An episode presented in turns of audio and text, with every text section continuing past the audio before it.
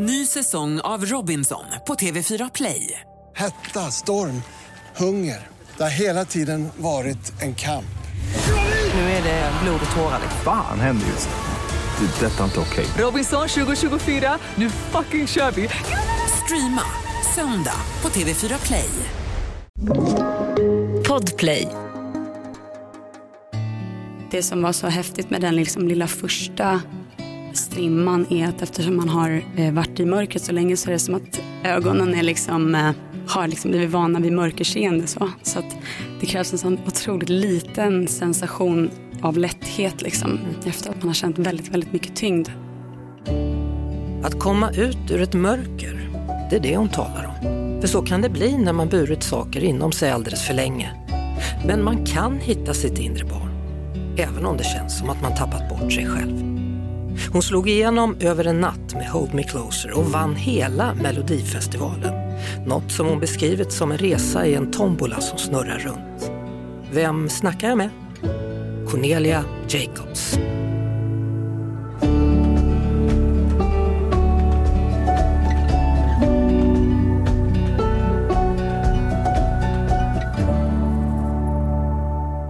Cornelia Jacobs, välkommen. Snälla. Hur är läget? Men det är bra. Det är kul att få träffa dig äntligen. Vi har inte setts innan. Nej, varför har vi aldrig det? Jag vet inte. Mycket märkligt. Ja. Det känns som vi har det, men det har vi ju Mm. inte. Jag vet, jag tänkte på det innan, så tänkte jag så här nu. Nej, Nej, nej. det, det, känns, det är lustigt men jag håller med om att det känns som att det, vi har det. Jag tror att, eller så tycker jag bara att det är ibland med vissa som man känner, jag känner mig lite, jag kan känna igen mig lite i dig. Eller det kanske låter konstigt men jag kan typ säga, ja men vi förstår varandra. Så kände jag Mm. direkt och så då kändes det som att vi hade träffats. Men du, det, för oss så blev det som att du slog igenom över en natt. Mm. Men, men för dig då? Hur länge känner du att du kämpade för att få ett break? Ja, alltså jag har ju jobbat i branschen sedan andra året på gymnasiet, men i olika konstellationer.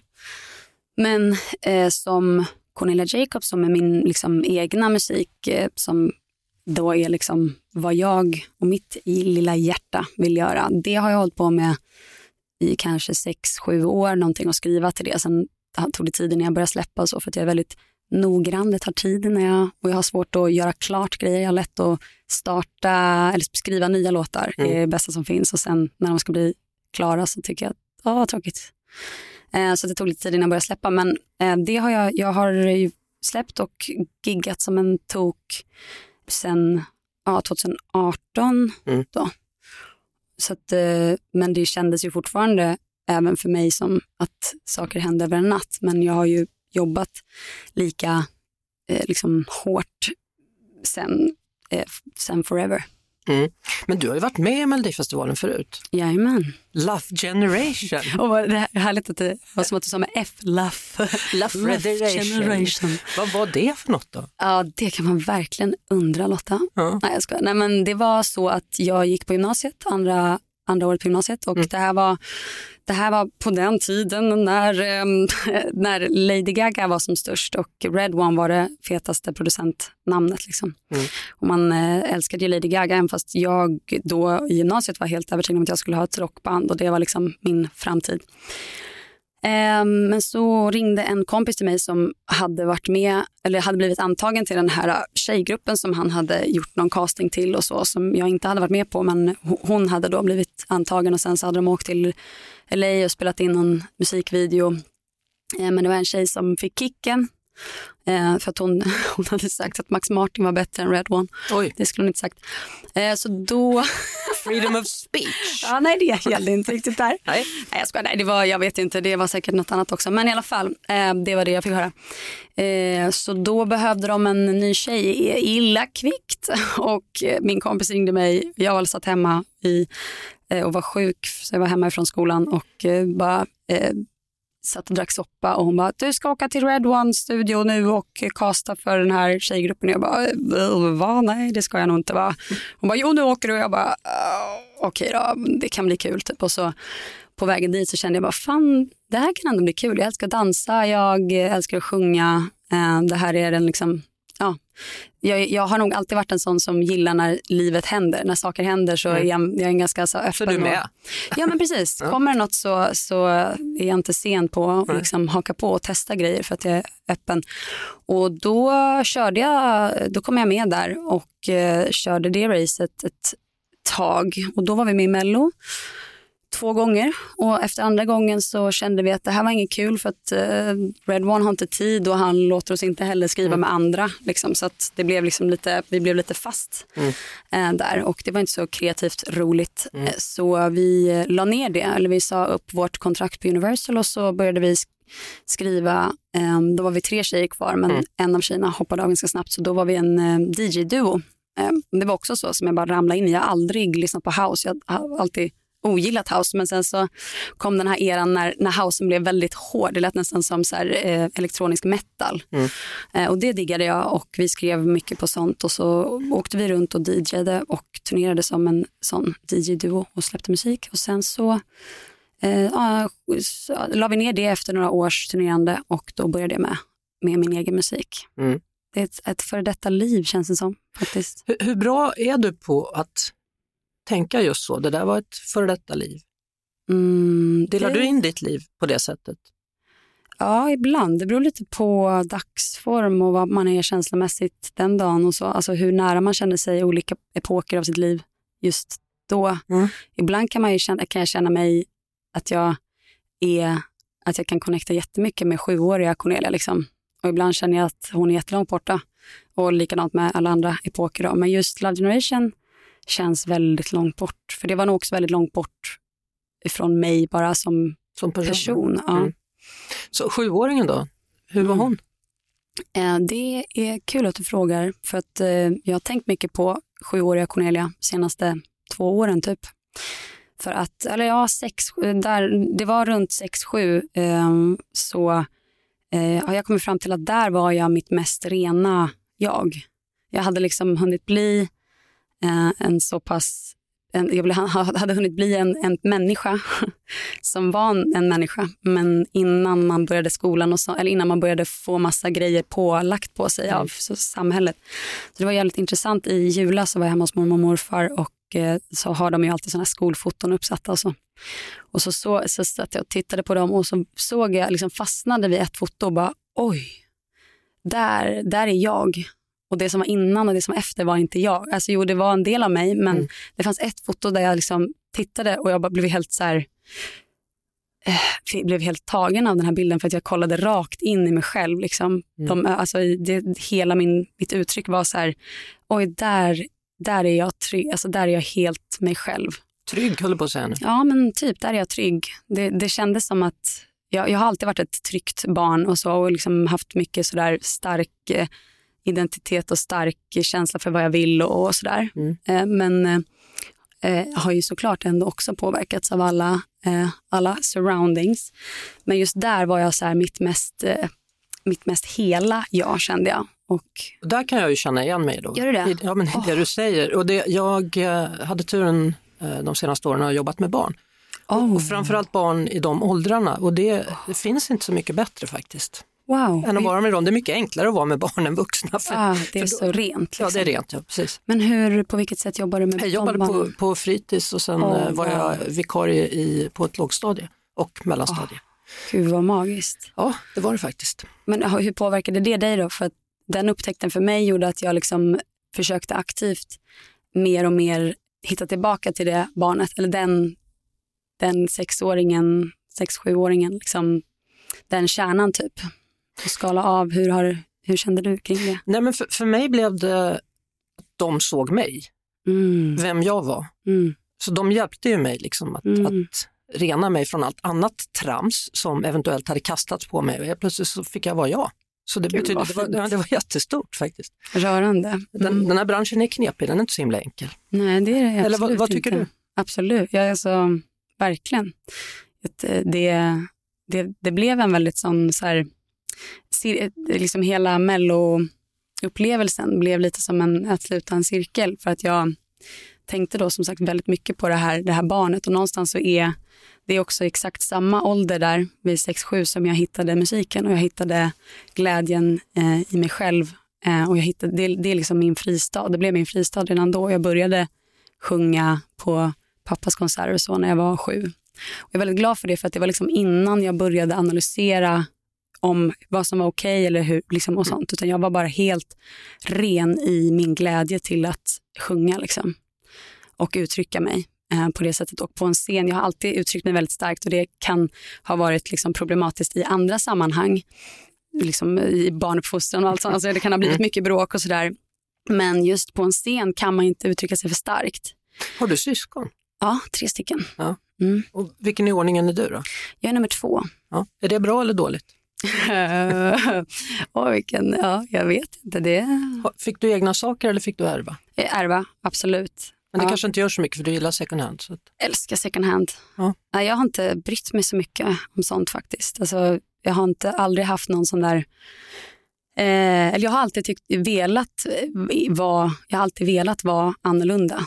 Eh, alltså, jag har inte tyckt att när, när folk har haft så här, Åh, nu ska alla ha såna här kanadagåsjackor eller så, det har varit så här, jag vill inte ha en sån. Typ. Eh, så det har ju varit kanske fördelaktigt då, eftersom jag aldrig fick någon sån heller, för de hade inte råd med det när jag var liten. Nej. Jag kan känna igen mig där också då. Eh, mm.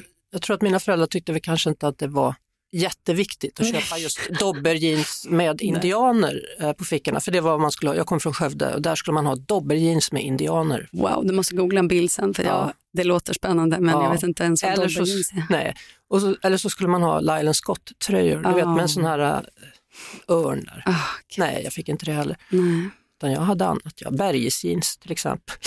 Eller silverdollarjeans. Oj, det här måste du också googla upp en bild på sen. du vill inte se det. Ja. Nej, men, alltså, men, men, hur blev det för dig då? För att jag, en del av mig mm. var ju annorlunda. Jag kände jag var ju annorlunda och jag vågade mm. vara annorlunda. Men det fanns också en annan del av mig som kände att jag vill verkligen höra till. Mm. Varför får jag inte vara med här? Vilket inte betyder att jag jag blev mobbad, det är inte det jag pratar om, men jag kände liksom, nej, men var ska jag vara i allt det här då? Mm, just det. Um, eller gick du din egna väg eller var det folk som tyckte du var konstig eller vad?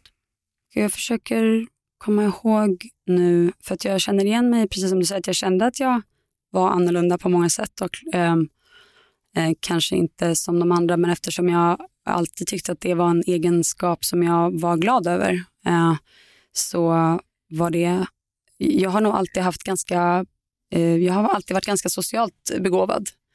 Eh, så jag eh, har alltid liksom, och faktiskt fram till att jag blev vuxen, så, eller typ gymnasiet, så var jag väldigt ångestfri. Alltså jag har varit väldigt positiv, väldigt filosofisk och tänkande och analyserande, men jag har haft väldigt mycket eh, positiva och sådär. Jag har haft mycket energi och varit väldigt eh, utåtriktad mm. i min energi. Så jag har haft väldigt lätt att eh, hitta sammanhang och så. Men jag har nog också samtidigt, eh, alltid, jag har alltid känt mig lite ensam också. Eh, mm. Fast jag kanske har hittat de känslorna mer sen man blev äldre och började känna mer och mer att man inte riktigt får ihop, ja, att saker inte gick så som man kanske hade tänkt och som det gick för andra eller så. Mm.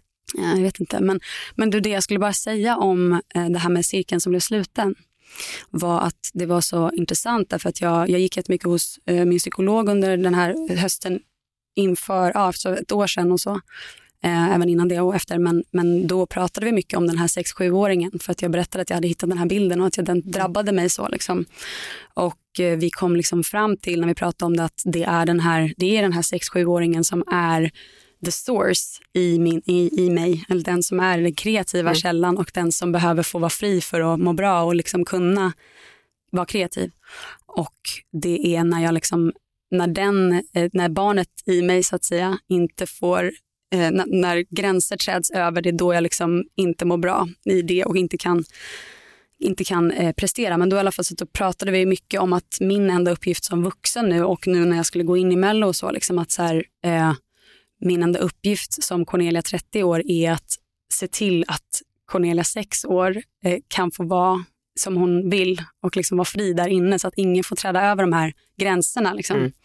Och eh, så typ en månad innan Mello så hittar jag en ring, bara så här, by coincidence i någon låda så, som är den första ringen som jag köpte. Och det var när jag var sex eller sju år i Gamla stan. Och där startade mitt, så här, eh, min, eh, vad säger man, min mani för smycken och så har jag alltid älskat att uttrycka mig liksom med, ja, nu har jag faktiskt inte några Inte en enda ringar. ring på Nej, då? det är Ja. för att det var, klockan var fem när jag gick upp och jag eh, kunde inte tänka klart. Eh, det, Och den ringen i alla fall. den ringen, eh, det är en, jag, jag var helt säker på att den var magisk när jag köpte den. För det var, den var liksom en stor grön glassten i. Och jag, hade, jag älskade att titta på Glasblåsarens barn. Har du sett den filmen? Mm. Eh, magisk. Och då ha- har hon ju en sån korpring och den ser ingenting ut som den här. Men jag var ändå säker på att det var liksom samma typ av magi. Och då när jag hittade den så, testade, så blev jag ju nostalgisk och så testade jag den och så fick den plats på, den får, liksom fick fortfarande plats på ett finger. Lillfingret, eller? Nej, utan ringfingret på vänsterhanden. Okej, ja. Eh, och då hade jag liksom redan designat mitt nummer och så för Mello. Och jag hade den här stora gröna pricken. Liksom. Mm. Precis som den här ringen. Okej. Och sen, så då blev det som ett så här, jag bara just det, det är sexåringen som jag gör det här för på något sätt. Så då eh, hade jag på mig den där ringen hela Mello och eh, Eurovision och det blev som en sån liksom liten cirkel då som slöts för att jag Också en påminnelse om. Liksom. Precis, och kom, kom tillbaka till det där barnet och den här ursprungskraften och önska, liksom glädjen och önskan av att få vara fri och göra, göra sin, eh, bara få använda sin röst. Ny säsong av Robinson på TV4 Play. Hetta, storm, hunger. Det har hela tiden varit en kamp. Nu är det blod och tårar. liksom. Fan händer just. Det. är Detta är inte okej. Robinson 2024, nu fucking kör vi! Streama söndag på TV4 Play. Ett poddtips från Podplay. I fallen jag aldrig glömmer djupdyker Hasse Aro i arbetet bakom några av Sveriges mest uppseendeväckande brottsutredningar. Går vi in med hemlig telefonavlyssning och, och då upplever vi att vi får en total förändring av hans beteende. Vad är det som händer nu? Vem är det som läcker? Och så säger han att jag är kriminell, jag har varit kriminell i hela mitt liv men att mörda ett barn, där går min gräns. Nya säsongen av Fallen jag aldrig glömmer på Podplay.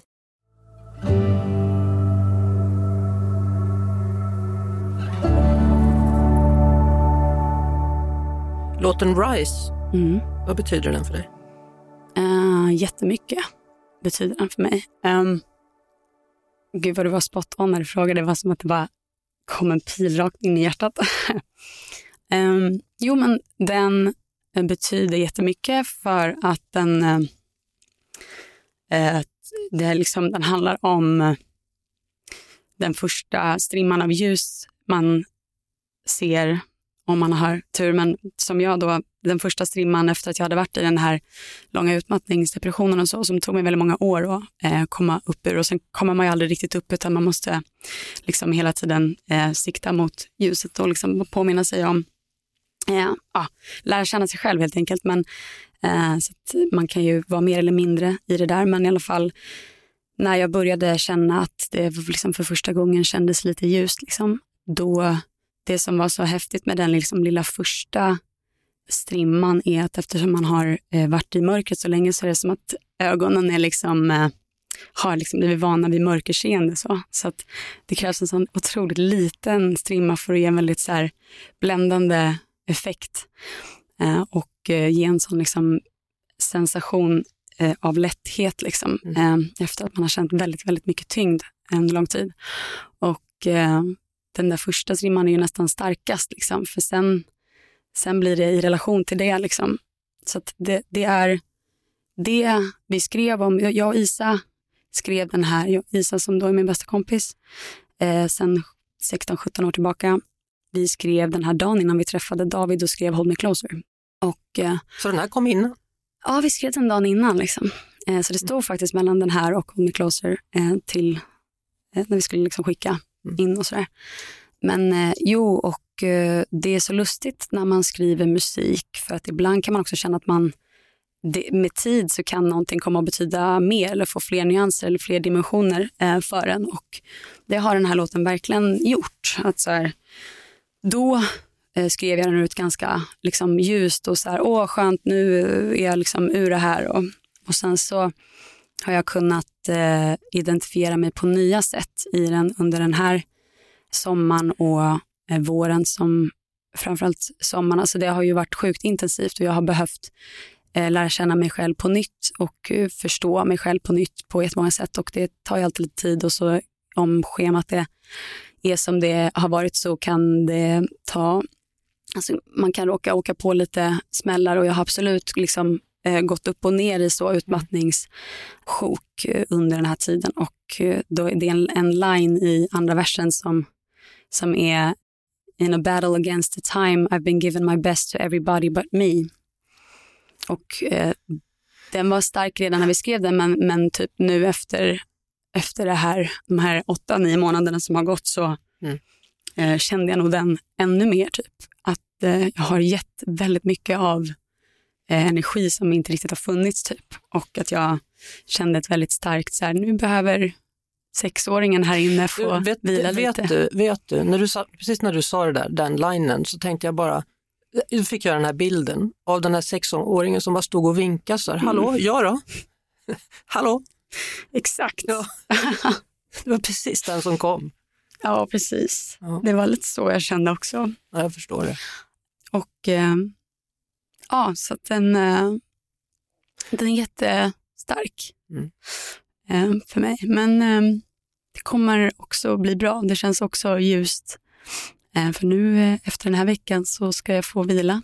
Jag ska ta hand om den här sexåringen Ja. och ge henne plats och känna och göra Mm. vad hon vill. Och så. Fint att du blir så rörd. Mm. Jag blev också rörd. Jag ska berätta en grej för dig. Jag har också Mm. haft en utmattningsdepression Mm, det är så. för många, många år sedan. Mm. Berätta mer. Kom det sig? Nej, jag tror att jag, nej, men jag hade skjutit så mycket åt sidan om vem jag var och vem jag inte var och så Mm. la jag undan, la undan, la undan, stoppade Men till slut hinner ju allting i kappen. Mm. Det går inte, man kan ju inte göra sådär. Nej. Men det som i efterhand som jag känner, det är att jag visste inte att man kunde må så dåligt. Nej. För att när man är mitt i det där, det, det är ju liksom, det är outhärdligt. Mm. Det är outhärdligt. Alltså det, då, det går inte, om, nästan inte så att man, man kan nästan inte förklara det för någon som inte har varit med om det, för det, det är så bot, det är bottenlöst. Mm. Liksom. Exakt. Jag hade liksom någon bild av en återvändsgränd på Söder i närheten när jag bodde och så visste jag att går jag där, nej då åker jag ner i dyn för hela marken är egentligen dyr. Du vet, man får såna här fantasier i huvudet. Mycket skräcktankar och, och Ja. tvångstankar. Och, och det, det som är så jobbigt är ju att man har inte heller förberett sig för en sån typ av mental eh, käftsmäll. Så att när man väl är där så får man ju också eh, det blir ju mycket ringa på vattnet av ångest som ger ångest som ger ångest. Alltså det Mm. bara blir tyngre och tyngre för att man också kan börja eh, bli arg på sig själv och känna fan vilken bortskämd skit du är. Du har det ju så bra, varför mår du så här? Och, ehm, och man börjar känna att man inte känner igen sig själv och allt. Alltså, ja. Och, I mitt fall så kände jag att jag helt plötsligt inte tyckte om mig själv när jag inte längre kunde prestera och det var väldigt jobbigt för att jag, tänkt, har alltid tänkt att jag har så bra självförtroende och eh, sådär och så bara nej, det har jag inte alls. Det är bara när jag presterar och liksom eh, annars tycker jag att jag är, inte är värd något och så blir man ledsen för den saken. Alltså blir det bara eh, liksom en spiral neråt. Och nu är vi i det där igen då, självkänsla, självförtroende. Mm, just det. Jag är aldrig så trygg som när jag sitter så här med dig så här. Mm. För att nu är du lite speciell så jag skulle förmodligen kunna sitta och prata med dig även utanför en studio. Ja. Men jag är egentligen ganska blyg. Jaha, Ja. okej. Men trygg när jag Ja. gör mitt jobb. För då Fattar. vet jag att här har jag ju en plats. Ja, det är lite det. som du. Du vet ju att när du står på scen då har du ju en plats. Ja. Det kanske är svårare utanför scenen, eller för mig är det det i alla Mm. fall. Då har jag svårare att förstå att okej, har jag en plats här också? Just det. Ja, jag Ja, nu drog det iväg där, jag vet inte. Nej, nej, men jag fattar precis vad du menar. Det är ett sammanhang och en, liksom, allt är så relativt till olika Mm. parametrar. Ja. jag, jag läste att du beskrev din musik som dynamisk, känslosvallande livemusik. Det är ju också en beskrivning Ja. Ja. som jag tycker om. ja, vad kul. Ja, Jag tycker alltid att det är, jag älskar att göra musik och sen tycker jag det är skitjobbigt att prata om låtarna. ja, men typ om mig själv eller så här, du Mm. vet, presentera och så är det så här, du måste skriva en biografi och jag bara, åh nej. Ehm, men och då när jag skulle försöka, det, här var, det där skrev jag nog till första singeln tror jag. Att så här, du måste säga något om din musik och jag bara, men åh, måste man kategorisera allt? Det, Jag, Ja. jag hittade en låt eh, som heter Fine, mm, som jag inte hade hört. kul. Jag gillar den. Och det var en intressant video du hade gjort till den. Då. Ja, Ja. visst. Förklara, var, var, var spelar ni in det? Ja, visst är ett coolt ställe. Ja, Det är jag och Celia Kap som, eh, vi har gjort alla mina musikvideos till en av mina närmsta vänner och hon jobbar jättetätt med mig fortfarande. Vi har Ja. jobbat ihop eh, i fem år typ. Hon hade varit på det här stället nere i, det är i, eh, på Österlen, det är eh, Kiviks Art Center. ja okej. Hon hade varit där med sin dåvarande kille och var helt blown away av de här monumenten ute i Ja. naturen som är helt otroliga. Så då ringde hon mig och bara, vi måste göra någonting här.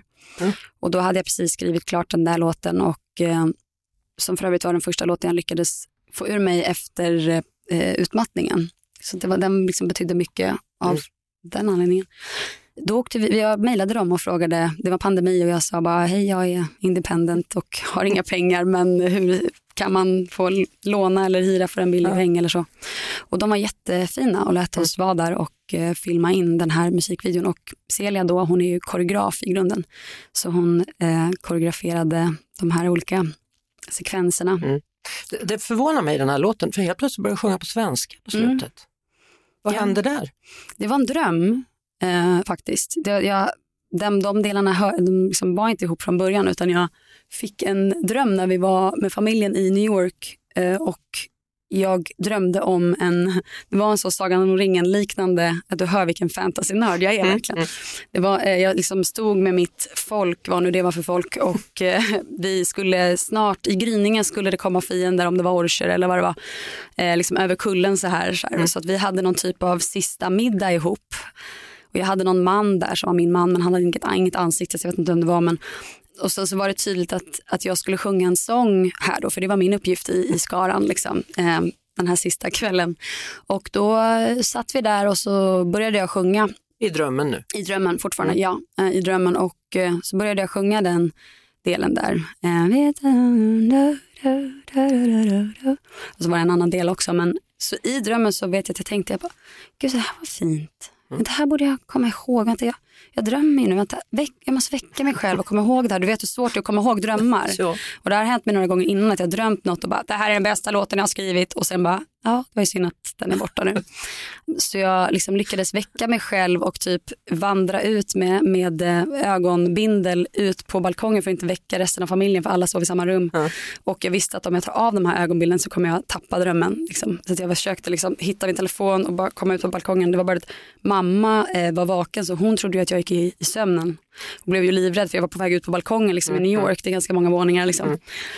Så man hör i min liksom inspelning där ute på balkongen att jag helt plötsligt bara "Ah!" ni är jätterädd för att mamma kommer och jag bara nej nej nej inte nu, gå gå gå. För att jag visste att så här, inget får störa, jag måste bara spela in det här. Och då spelade jag in det så, så någon månad senare så kände jag att fan de här, det här hade varit fint stick i den här låten som jag höll på med. Och så försökte jag skriva en engelsk text då eftersom resten av låten var på engelska. Eh, Men det är lustigt med vissa melodier eh, för det gick inte. Alltså jag försökte skriva en engelsk text men det här var verkligen en svensk melodi.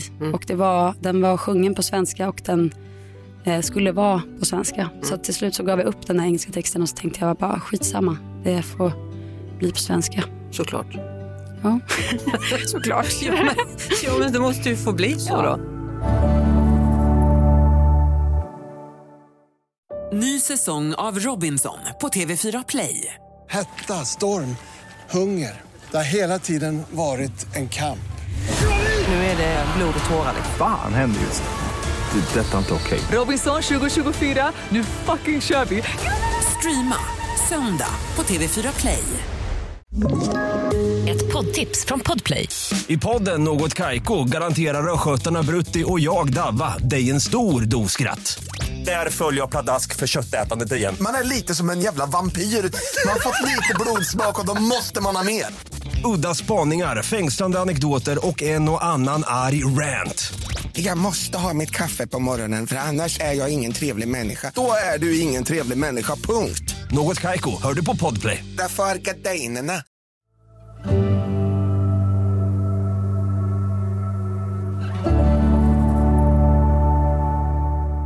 Nu är du ju en bransch Mm. Där det förväntas mycket av dig. Är det bra då att du har haft dina independent-år? Är det bra då att du har en pappa som ändå har varit i den här branschen? Är det bra att du har gått in i väggen en gång? Att du vet att sexåringen måste få vara med? Eller hur, hur, hur ser du? på allting? Jag vill säga ja på, på alltihop. Alltså, Ja. jag, jag är så glad. Jag är så glad Lotta att jag är 30 och inte 20. För det första. För att eh, det är så jäkla speciell bransch som vi precis har sagt och det är så lätt att tappa sig själv i när, när man går in i en grej som Mello till exempel där det är så många människor som helt plötsligt från en dag till en annan vill ha massa saker av en och vill att man ska framstå på si eller så sätt eller de kan du bara, kan du göra det här eller kan och så helt plötsligt så har man gjort allt som alla vill fast inte det man själv vill eller man kände bara oj vad blev jag för någon nu? Eller så kände jag när vi var med med Love Generation att jag kände att fan det här kändes inte så härligt i min mage. För att jag kände inte att jag eh, var mig själv utan man bara liksom plisade alla människor runt omkring. Och därför var jag vä- väldigt eh, noga med det inför Mello att säga, jag eh, måste göra det här för mig själv och med mig själv i behåll. Och det tror jag inte att jag hade kunnat göra typ ens ett år tidigare faktiskt för att eh, jag hade jobbat jättemycket på med mig själv senaste liksom det året och eh, även innan. Men Är det- du klar nu med det känner du? Nej, gud nej. Nej. Alltså, det, jag vet inte, blir man klar? Jag vet inte. Blir man Nej. det? Känner du dig klar? Nej. Nej. Jag tror det finns alltid mer att, att upptäcka och förstå om man är en sån som vill förstå. Eh, men ändå är man eh, en jävel på att försöka.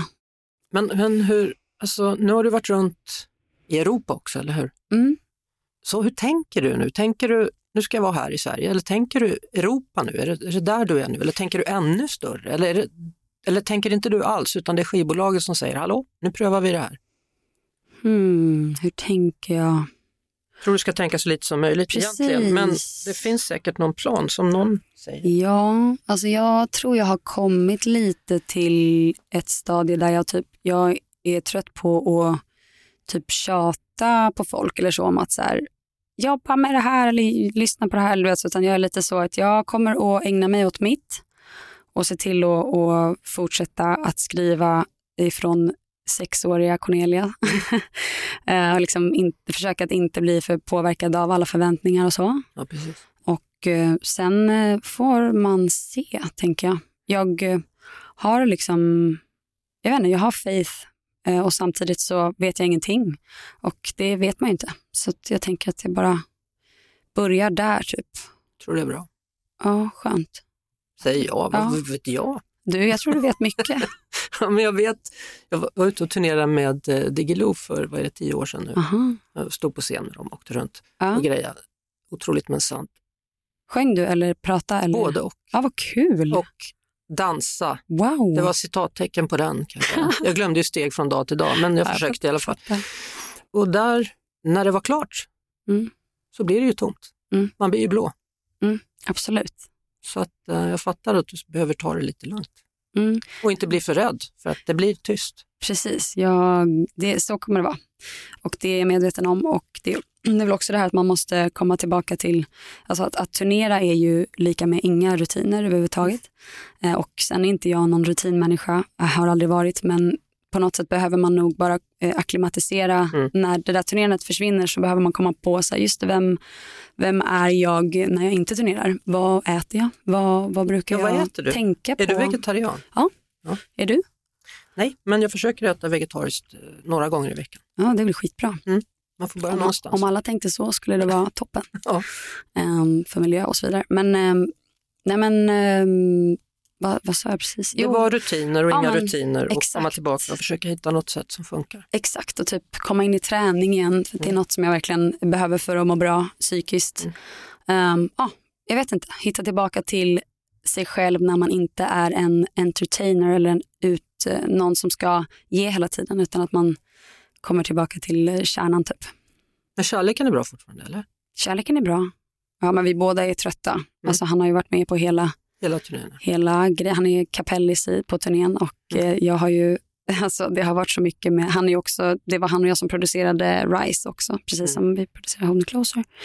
Så att, eh, och det, vi båda är detaljnördar och kan liksom, och liksom älskar våra jobb och har svårt att sluta jobba, vilket nog på ett sätt är anledningen till varför vi har kunnat vara tillsammans en sån här period. Mm. För, Men nu då? Nu ska ni vara lediga tillsammans då? exakt, vad kommer hända nu? Spännande. Jättespännande. Fortsättning följer. ja. du, vi skulle kunna sitta här hela dagen Ja, känns det känner som. jag verkligen. Ja, vad härligt att du till slut kom. Vad kul att få träffa dig igen då, även om vi har sett förut fast vi inte har sett. Exakt, vi har sett ett tidigare liv kanske. Så kan det vara. När vi var häxor. Eller i framtiden, det kanske är flera dimensioner samtidigt, det vet vi inte. Du, du är inne på något. Spinoza-teorin.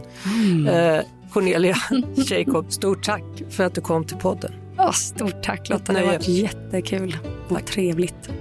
Tack för nu. Tack för nu.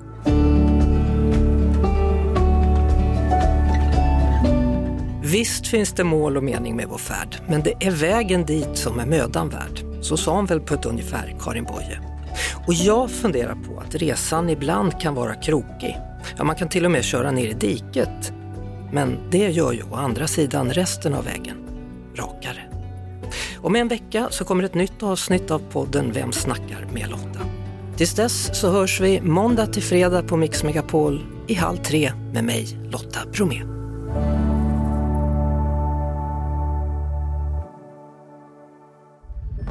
Podplay, en del av Power Media. Ny säsong av Robinson på TV4 Play. Hetta, storm, hunger. Det har hela tiden varit en kamp. Nu är det blod och tårar. Fan händer just nu. Det. är Detta är inte okej. Robinson 2024, nu fucking kör vi! Streama söndag på TV4 Play.